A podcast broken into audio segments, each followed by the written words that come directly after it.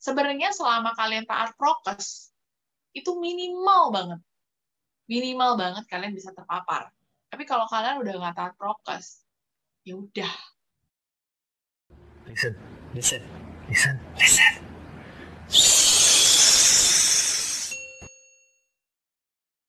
Oke guys, balik lagi sama kita di sini di, di Journal Voice seperti biasa. Dan ada dua host kalian Andrew dan ada si Koko. Ada si Opal dan ada si dokter. ada dokter kesayangan sekalian dokter Sasa Oke, ceria Andrew. sekali ya ceria banget ya openingnya nih Ceria banget. Kan Nah. lu kan biasa, Sa. lu kan pencitraan ya nggak. Kalau nggak ada lu nggak ada rame gitu. Gua ubah sedikit biar biar nggak kayak tagline sebelah gitu kan. oh iya nih ini Hmm. awal-awal ceria dulu gitu ntar tengah-tengah ntar gue disuruh marah-marah lagi gitu Ya, emosi terpancing emosi terpancing nanti emosi kepancing ya. Jadi gua gua klarifikasi dulu nih. Gua nggak suruh lu marah-marah. Eh, Gua Oh iya, cuma maaf. kasih pancingan ya kan. Terus lu terpancing Saya terpancing, marah-marah. Nah, Nah, jadi pancingannya itu adalah cuman pancingannya itu adalah PR-nya Andrew. Iya eh, Sebenarnya- di episode sebelumnya itu kita udah pernah ngasih PR sama Andrew gitu ya. Nah PR-nya itu kita udah kasih uh, apa namanya tenggang waktu ya kok ya gitu. Kita udah kasih tenggang waktu tuh. Nah ini kok udah tengah waktu tapi nggak dikerjain-kerjain gitu. Ini gimana coba mahasiswa kayak gini? Ya jelas aja lah lu nggak lulus lulus lo. ya pastilah. Iya nggak lulus soalnya nggak ada AdSense gitu. Iya, nah itu. Jadi bantu Andrew untuk lulus dengan cara pasang AdSense di sini. Bantu kami. Oke, oke, oke. Kita bahas Oh, apa nih? Kita kita bahas apa? Kita bahas apa? Oke, gila nih shameless proda- eh, promotion banget ya satu ini. Nah, anyways, eh, ngomongin tentang PR ya, gue kerjain semua PR gue kan di rumah ya nanti ya. Nah, gue kerja kerja kerja ya nggak apa lah ya di rumah, nggak akan kena covid. Benar nggak dok? Eh, Gue kan kerja kalau PR itu kan pekerjaan rumah ya. Emang harus kerjain di Nah. rumah. iya. Bener, Iya kan? bener. Nah, gue gue kerjain di rumah aja ya kan. Gue kerjain di rumah, berarti gue nggak ke mana-mana ya kan. Berarti gue aman dong, gue nggak akan kena covid dong kalau kayak gitu ya nggak sih? Nah, Hmm. iya. Siapa bilang? Aduh, nah ini ya memang teman-teman ya yang memang nih kalian menganggap bahwa di rumah aja kalian bisa aman aja dan terbebas dari COVID. Hmm, terus kalian pikir dengan kalian di rumah aja, terus kalian bilang, hmm, ya udah aku di rumah aja, berarti aku nggak usah vaksin juga. Hmm, gue sentil loh, gitu ya. Jangan sekali-sekali berpikir seperti itu ya. Anda di rumah aja, Anda juga bisa punya resiko buat terpapar, gitu ya. Ingat, Anda kan di rumah kecuali gimana, gimana? ya? Gue bingung.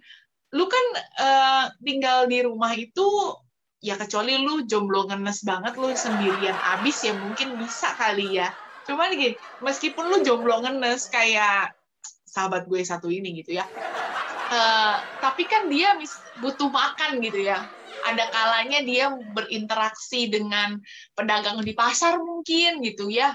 Beli bahan makanan atau dia eh, apa namanya ya ngeojol gitu ya untuk beli online makanan gitu ya. Kan bisa aja dan lu akan nggak mungkin lu nggak interaksi gitu ya.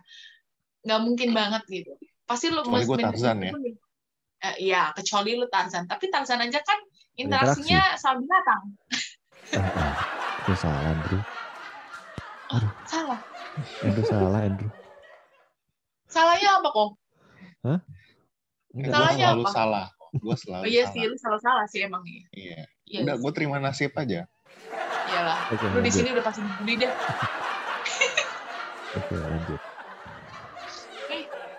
Lu nggak mungkin lah lu meskipun lu minimal interaksi tapi lu nggak mungkin nggak berinteraksi sama sekali. Nah dengan interaksi itu ya kita kan tetap nggak tahu ya siapa ya bagaimana lah gitu ya orang-orang tersebut. Sehingga lu tetap punya risiko untuk terpapar gitu ya. Ketika lu keluar rumah meski hanya sebentar atau misalnya lu ketemu sama si ojol gitu kan. Nah ini ojol-ojol juga kadang-kadang ya aduh gemes deh ya. Udah lu berkerumun lu apa namanya lu nggak pakai masker gitu kan. Aduh gimana ya?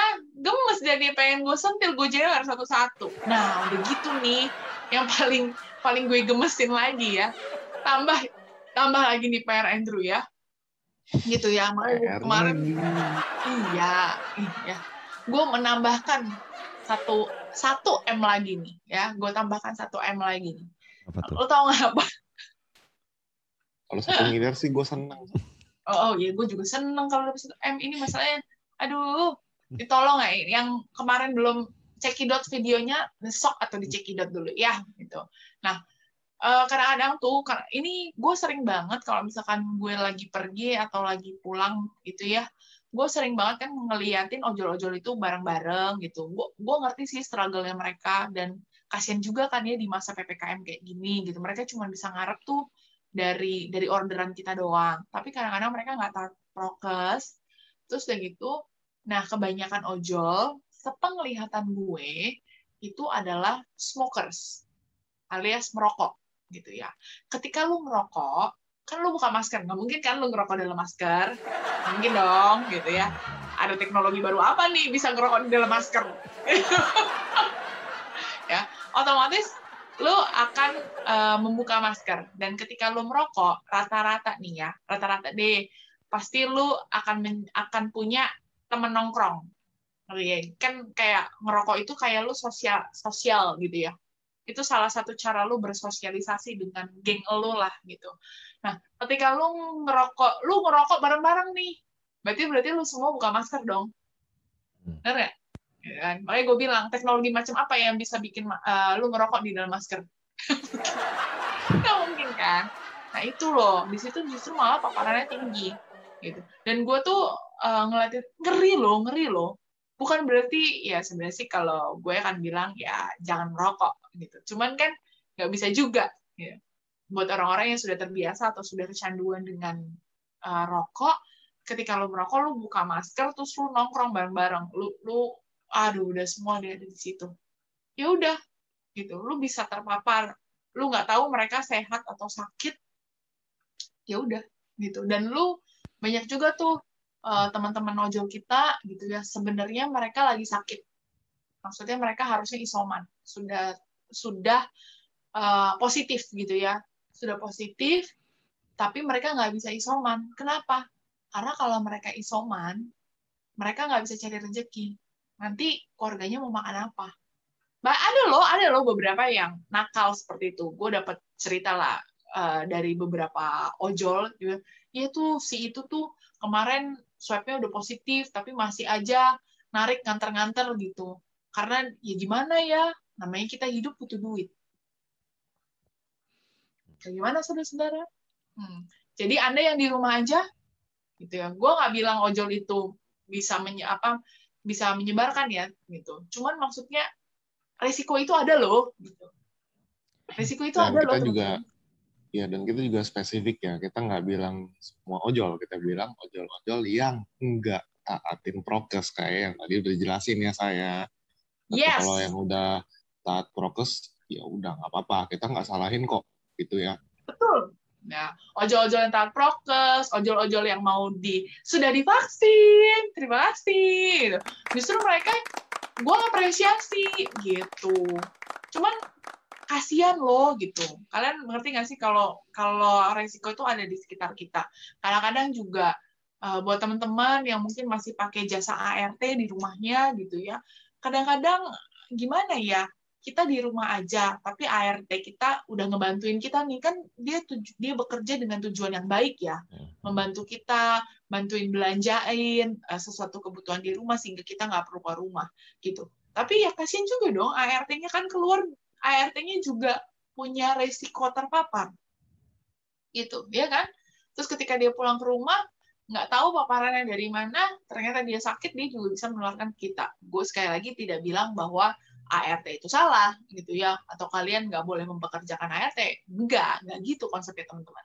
Tapi artinya bahwa resiko itu di sekitar kita ada. Jadi nggak bisa kalian itu bilang eh, gue di rumah aja gue aman-aman aja gue nggak akan kena gitu. Jangan. Jangan ngomong gitu. Salah satu artis kita aja ada tuh yang di rumah aja tapi kena, nah, kan? Itu. Oh, siapa tuh, Sa? Ush, kemarin tuh ada tuh beritanya. Ya, ini bukan bukan berita dari akun gosip ya. Awan, seringnya lihat gosipnya. Awan.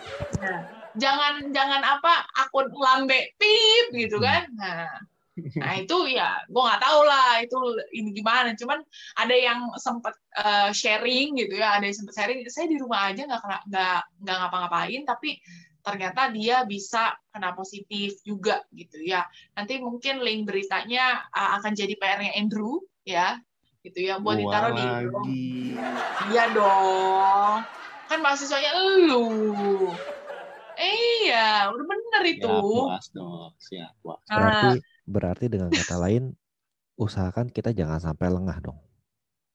betul, jangan sampai lengah. Kalau misalnya kita eh, punya apa namanya punya ART atau misalnya ngelihat kalau gue sih ya kalau gue nemu kalau gue lagi di jalan dan gue ketemu ojol gitu ya biasa dan kalau mereka nggak taat prokes gue akan tegur gitu. Mas maskernya jangan lupa dipakai gitu. Sekedar, tegur manis lah ya bukan tegur gue marah-marah tenang. Gue nggak gue nggak akan makan orang kok. Nggak belum sampai di situ gitu ya. Hmm. atau kalau lu lagi lu edukasi ART lu gitu ya. Mbak mas kalau keluar bawa hand sanitizer gitu. Kalau Oh, keluar pakai masker gitu. Kirain, Mbak, kalau keluar nggak usah balik lagi gitu. waduh kesian dong nih. PHK dong. Gitu. Driver driver driver juga gitu. Gue eh, apa namanya kemarin eh, kebetulan gue naik eh, naik salah satu apa namanya layanan transportasi online ya. Gitu. Eh, apa namanya karena waktu itu laki gue lagi nggak bisa jemput gue akhirnya gue transportasi online lah. Ya udah udah. Gue ngajak ngobrol nih. Kebetulan gue memang transportasi online-nya mobil gitu ya Eh, kan sekarang kan kalau di mobil tuh mereka udah pasang kaca gitu partisi gitu ya menurut gue sih itu udah udah sangat baik ya terus eh, gue seneng tuh ngeliatnya di dalamnya ada ada tulisan stiker saya sudah vaksin, widih, mantap pak, gitu, mantap, gitu. Terus dia pakai masker sesuai dengan anjuran pemerintah. Sekarang kan di double ya, gitu. Ya, itu dia tuh. Uh, terus di setiap sisi, sisi apa namanya di sisi pintu itu dia kasih hand sanitizer. Gue bilang, wah hebat nih bagus gitu. So iya daripada lebih baik kita jaga-jaga dia bilang, oh saya salut nih bagus tuh yang kayak gitu. Nah dari situ dia cerita juga tuh kadang-kadang ya itu tadi ada aja driver yang nakal. Kenapa? Karena mereka butuh makan gitu. Kalian berkendaraan online pun tetap harus waspada gitu ya. Arti sebenarnya selama kalian taat prokes itu minimal banget. Minimal banget kalian bisa terpapar. Tapi kalau kalian udah nggak taat prokes, ya udah bubar, bubar. Jangan jangan uh, apa namanya protes-protes gitu. Lu nggak taat prokes, lu nggak percaya corona, terus lu juga nggak mau divaksin, terus giliran kena, lu nyalah-nyalahin orang. Ya udahlah, usah gitu. Oke, oke, Ya kelar. Nah, sa, gue mau nanya sedikit nih tentang keadaan lu sekarang ya. Kalau dari kemarin-kemarin kan kita bahas lu lagi hewas banget ya, nggak ketolongan. Nah sekarang gue agak penasaran nih. Nah sekarang gimana kondisi lu? Bukan kondisi lu ya, tapi kondisi situasional di lingkungan lu. Oh, Kirain lu perhatian banget gitu, gimana kondisi gue gitu ya. Nggak, nggak. nggak. Padahal gue udah seneng loh. sakit. Gue Kondisi rumah sakit. Eh, gue udah seneng banget, oh ya ampun, perhatian banget ya sama gue, gitu. Udah tau nih gue lelah, Nggak. gitu. Nggak usah baper tuh. Nggak usah baper. Aku kan juga mau diperhatiin, karena wanita selalu ingin dimengerti loh. Pria nggak? Pria nggak? Tapi tapi kan banyak yang perhatian sama lu, Sa, yang malam-malam sampai sampai WhatsApp, sampai telepon gitu kan. Kan banyak. Mohon maaf, yang itu ya teleponnya mencari solusi kepada saya, gitu ya. Mohon maaf, pekerjaan, bukan Nah, itu yang perhatian kita gitu. tanya. Itu yang pengen kita tanya. Eh, Iya sih, eh, semenjak PPKM ini, ya gue bersyukur dan terima kasih pemerintah sudah menggalakkan lah si PPKM ini ya, gitu. Eh, dan memang ada terasa ya efek ppkm itu kepada fasilitas kesehatan saat ini gitu ya. Uh, saat ini sih sudah mulai agak kondusif ya kalau bisa dikatakan dibandingkan uh, beberapa minggu lalu yang wah itu kasusnya luar biasa yang seperti uh, kalian bisa dengerin ocehan gue gitu ya ocehan gue tentang beludaknya COVID yang terbaru ini sok dicekidot dulu ya ocehan gue itu. Nah setelah beberapa minggu gitu ya uh, terus ppkm ini berjalan juga itu memang membuat uh, jauh lebih kondusif gitu. Kondusif itu dalam arti gini teman-teman. Kalau ditanya, lo tanya gue, eh masih ada kamar nggak buat di ngerawat? Kagak ada. Gue kasih tau sama lo penuh, penuh ya. Tapi kalau ditanya, eh IGD lu bisa ngelayanin pasien nggak? Bisa. Gitu.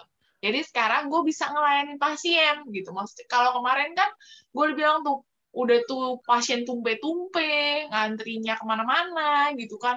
Terus uh, lama banget, kita banyak diprotes, banyak di ah digunjang-gunjing lah gitu ya. Nah kalau sekarang meskipun full, ruang rawatnya full nih, tapi sekarang di IGD-nya sudah mulai kondusif, artinya pasien tuh udah mulai bisa masuk, masuk keluar keluar masuk gitu sehingga ya kita bisa pelayanan lah sama pasien gitu. Kalau yang biasanya ngantri banget, sekarang sudah mulai jauh lebih kondusif gitu. Artinya bisa dimasukin. Kan kasihan gitu ada orang-orang yang kalau lu kena COVID dan COVID-nya COVID ringan, terus lu mau rawat jalan aja, kan lu memang mesti tetap harus ke fasilitas kesehatan yang emang khusus COVID kan gitu. Nah, itu kadang-kadang kalau pada saat kemarin yang ringan-ringan tuh kita udah nggak bisa ngapa-ngapain. Mereka ngantri udah lama banget gitu jadi mereka susah gitu. Jadi sekarang kita bisa melayani lah mereka-mereka yang butuh bantuan gitu tapi jangan kendor nggak gitu konsepnya giliran nanti gue bilang eh iya nggak apa-apa rumah sakitnya udah oke okay. berarti bisa hore hurra hurra aku kembali lagi ke jalan gitu ya Enggak. Gini, tak. Gue mau pertegas deh. Uh, lu bilang kondusif, yang tadi ICU, uh, eh, IGD gitu kan. Uh, kemarin kan kita bilang uh, ICU atau IGD lu ya kamarnya yang uh, tadinya ada uh, 12 bed, udah lu expand jadi 20 bed. Benar Ya kan, ya. habis itu kan uh, itu pun masih ada sampai 60 orang di dalam ruangan itu benar pasiennya. True, true, true, true. Ya. Gimana nah, memang gue udah expand bed gue gitu ya, benar, benar, benar. Betul. Sekarang gimana?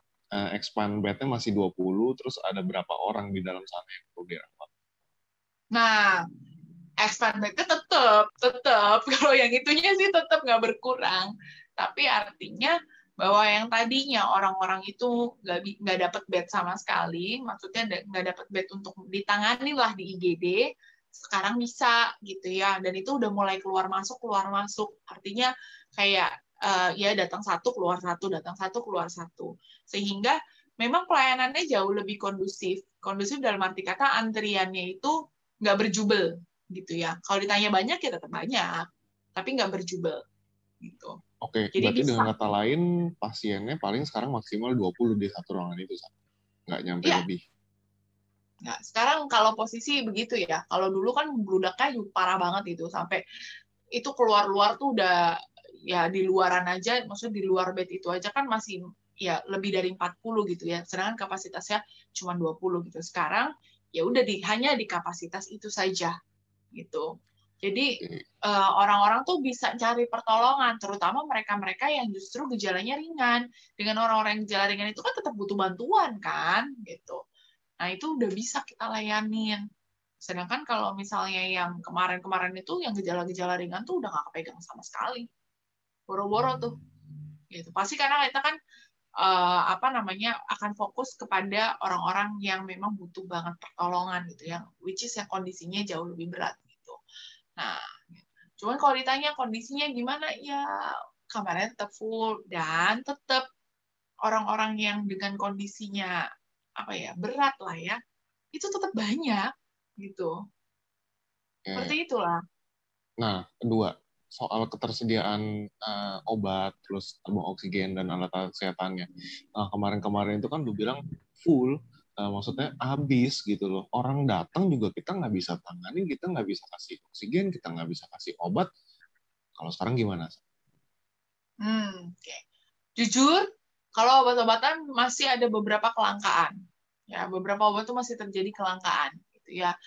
Hei kamu, para penimbun, ya, dengarkan ya para penimbun nggak usah nyari untung dari kesusahan orang ya nggak usah gitu ya Tuh, nanti anda dosa loh ya dosanya itu nanti nggak bisa diterima loh ah, nanti lu kalau kena azab baru tau rasa lo ya nanti tiba-tiba muncul nih azab penimbun obat-obatan masa covid terus akan muncul iya loh. Kalau ditonton sama orang yang bikin sinetron bisa inspirasi enggak?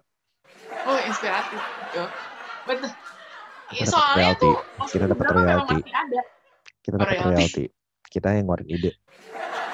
Kita yang mengeluarkan ide hmm. Nah, azab uh, penimbun obat-obatan sama azab itu penimbun tabung oksigen. Lo tau gak sih harga tabung oksigen tuh jadi melejit banget? Oh iya, iya yang, dari, dari yang, berapa jadi berapa? Uh, yang gue tahu kemarin uh, regulator aja ya. Regulator kan biasa saya beli 200 sampai 300. Kemarin jadi 1.7. Yes, ya. tepat banget. Tuh. Ya harga regulator berkali-kali lipat. Nah, kalau gue boleh uh, apa namanya men-sharingkan salah satu kisah dari salah satu uh, artis tanah air kita gitu ya. Teman-teman pasti tahu. Tahu ini kan siapa namanya? Babe Cabita. Tahu lah ya. Ya, stand up comedian. Betul sekali. Kok Paul, Anda hidup di zaman apa kalau nggak tahu dia? Saya sudah lama di rumah dengan nonton TV. Kalau Anda kan masih berapa minggu doang kan tinggal di rumah. Gua tahu itu pun bukan dari TV loh, gua dari YouTube tahunya. YouTube, hmm. uh -uh, gue juga kenal dia dari YouTube sih. Di si Babe Cabita. Babe Cabita hmm. tuh salah satu stand up comedian yang uh, gua salut dan apa namanya konten-konten komedinya oke. Okay. Jadi Babe mungkin kalau mau ngajak kita collab boleh kali ya. promotion lagi. Tapi kalian boleh cekidot di uh, Instagramnya dia kalau gue nggak salah ya gitu. Waktu itu kayak gue lihat dari Instagramnya dia. Jadi Babe Cabita tuh uh, waktu itu lagi cari uh, oksigen. Ya salah satu saudaranya waktu itu memang uh, lagi maksudnya terpapar COVID ya sedang sedang di, dirawat di sebuah rumah sakit di Bandung gitu ya. Uh, dan memang pada saat kan sudah gue bilang ya gue sharingkan bahwa memang saat itu oksigen di mana-mana di rumah sakit mana pun tuh krisis gitu ya. Krisis itu dalam arti kata sulit gitu ya. Pengirimannya itu ada yang terhambat gitu ya. Terus ada juga yang memang uh, jumlah gimana ya antara produksi sama jumlah permintaannya juga nggak sesuai. Nah pada saat itu untuk ngebantu si saudaranya ini akhirnya dia cari-carilah nih tabung oksigen supaya maksudnya dia kirim untuk ke rumah sakit. Uh, karena rumah sakitnya juga udah bilang bahwa uh, oksigen mereka akan habis gitu ya dan akan bertahan cuma berapa lama lagi lah gitu. Akhirnya maksudnya si Babe ini inisiatif uh, apa namanya ya udah nih kita keluarga mau cari tabung oksigen untuk uh, keluarga kita gitu ya. Dan uh, well itu gue ngeliat perjuangannya dia gitu ya dan berhasil. Berhasil ngumpulin gue lupa ada berapa mungkin sekitar 10 ya. 10 atau 20 gue lupa gitu ya. Uh, mengumpulkan tabung oksigen tersebut uh, ukurannya tuh yang 6 meter kubik 6 meter kubik tuh kurang, kurang lebih tuh setinggi orang lah gitu. Itu cukup besar. Dan dia bisa dapatkan itu. Dan dia pun sendiri bilang ini kita dapetin tuh juga harganya udah mahal gitu ya. Biasanya kan kalau tabung gas eh, tabung oksigen yang kecil aja biasanya tuh bisa 600 700 ribu. Tapi orang sekarang bisa jual di angka 3 juta 4 juta gitu. Apalagi yang gede gitu. Apalagi yang gede yang gede itu wah itu udah harganya coy berkali-kali lipat yang biasanya bisa mungkin bisa dapat 4-5 juta sekarang aduh gue udah nggak tahu deh itu udah udah dapatnya berapa gitu. Karena orang ya itu main dan maksud gue gini dia bisa ngumpulin segitu banyak tabung oksigen gitu ya beserta isinya well gue akan mengatakan bahwa you are so lucky man gitu. Kenapa? Karena lu satu lu ada lu sorry ya lu punya uang gitu. Lu punya uang gitu. Yang kedua lu public figure ya. Di mana ketika dia ketika dia update status aja update status di IG story aja dia bilang saya lagi cari tabung. Siapa maksud gue pasti banyak orang yang akan nge-DM dia eh gue punya eh gue punya nih gitu. Beli aja dari gue. Gue yakin banget. Sangat yakin. Cobalah tanya sama si babenya. Maksud gue dia bisa mengumpulkan itu karena dia punya funding yang oke okay, gitu ya dia punya resources yang oke okay, gitu. Karena seorang public figure dia bisa dia dengan timnya pasti akan ke sana kemari buat cari gitu. Tapi bisa kebayang nggak orang-orang sorry teman-teman kita yang menengah ke bawah yang nggak punya dana sebesar itu nggak punya resources atau nggak punya teman sebanyak itu nggak punya tim nggak punya apa-apa tapi cari tabung oksigen. Kebayang nggak sih gitu. Yang harusnya dia bisa bayar 600 700 ribu. Terus lu markup bisa sampai 4-5 juta. Itu udah berkali-kali lipat men gitu. Jadi anda para penimbun tabung oksigen ya siap-siap hati-hati kena azab. Kasih aja malu nah terus kita juga kita juga ngejelasin gini bukan berarti kita ngejelasin Mbak Beca Bita ya. Maksudnya oh enggak. kita justru enggak. Uh, justru kita kan kasih tahu kalau Mbak Beca Bita itu beruntung dia bisa dapat begitu karena dia memang secara finansialnya masih oke okay, dan dia juga punya uh, apa punya koneksi mungkin oke okay, gitu yes beda cerita sama teman-teman kita yang kurang beruntung gitu ya hmm, betul banget Ntar netizen ada yang salah tangkep nih nanti Ya. Iya, aduh plus 62 ini nih emang ya gitu ya. Kita kan lagi bicara gitu ya, mengkomparkan, bayangkan gitu. Ya, kalau dan gini lah, dia betapa perjuangannya dia itu ke sana kemari hanya buat buat nyari tabung oksigen. Dia tuh muter gua udah bilang tuh dia muter-muter Jakarta Bandung itu hanya untuk dapetin uh, si oksigen ini gitu loh. Dia berjuang lah. Perjuangannya dia itu panjang, capek dan melelahkan gitu ya baru akhirnya seorang gimana ya kasarnya gini ya seorang babe gitu loh seorang public figure top gitu ya itu aja susah. Gitu. Itu aja kesulitan. Mohon maaf apalah apa apalah daya kami rakyat-rakyat yang hanya remah-remah rengginang ini gitu loh ya. Yang ditiup hancur gitu. Gimana lah gitu.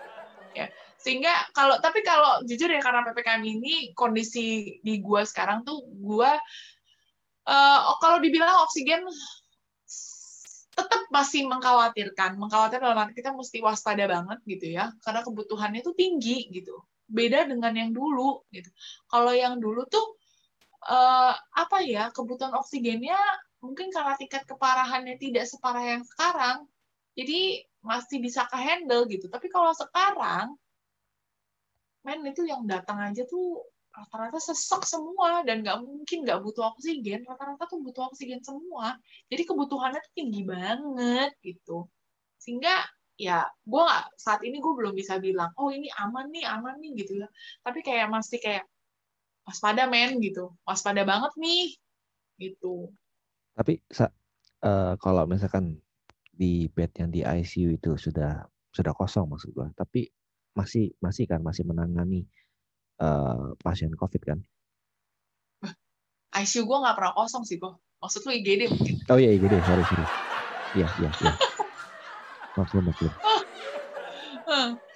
Ya IGD. Kalau IGD udah bisa nangani, artinya menangani pertolongan pertama yang tadi gue bilang gitu ya. Terus bisa juga nanganin yang ringan-ringan yang teman-teman yang udah positif terus mereka nggak tahu nih mereka bisa dapat obat gimana bisa dapat penanganan awal periksa awal lah ya screening di awal tuh gimana ya itu udah bisa udah bisa ke maksudnya datang gitu ke IGD itu sudah sudah bisa lah kita layanin. Kalau dulu nggak bisa memang sama sekali gitu. Dan memang ada beberapa banyak sih sampai sekarang pun sebenarnya masih banyak yang datang ke IGD rata-rata rata-rata ya rata-rata memang membutuhkan oksigen semua gitu saat ini gue agak jarang untuk dapetin yang bener-bener ringan gitu. Ringan tuh dalam arti kita mungkin OTG gitu ya. Itu udah jarang coy gitu. Rata-rata pasti datang ke IGD itu dengan kondisi sesak gitu ya. Sesak dan uh, mak oh ya makanya karena ya oksigen itu sekarang masih masih terjadi maksudnya gue nggak bisa bilang ini udah stabil gitu ya gitu nah ini kan gimana ya kondisinya masih masih memprihatinkan teman-teman. Dan cerita ini nggak berhenti sampai di sini gitu ya. Kalian tetap harus dengerin ya. Dengerin gitu ya. Pasang kuping baik-baik gitu ya. Karena ini akan berlanjut di part berikutnya. Setelah pesan-pesan yang satu ini. Sok atau yang adsense masuk gitu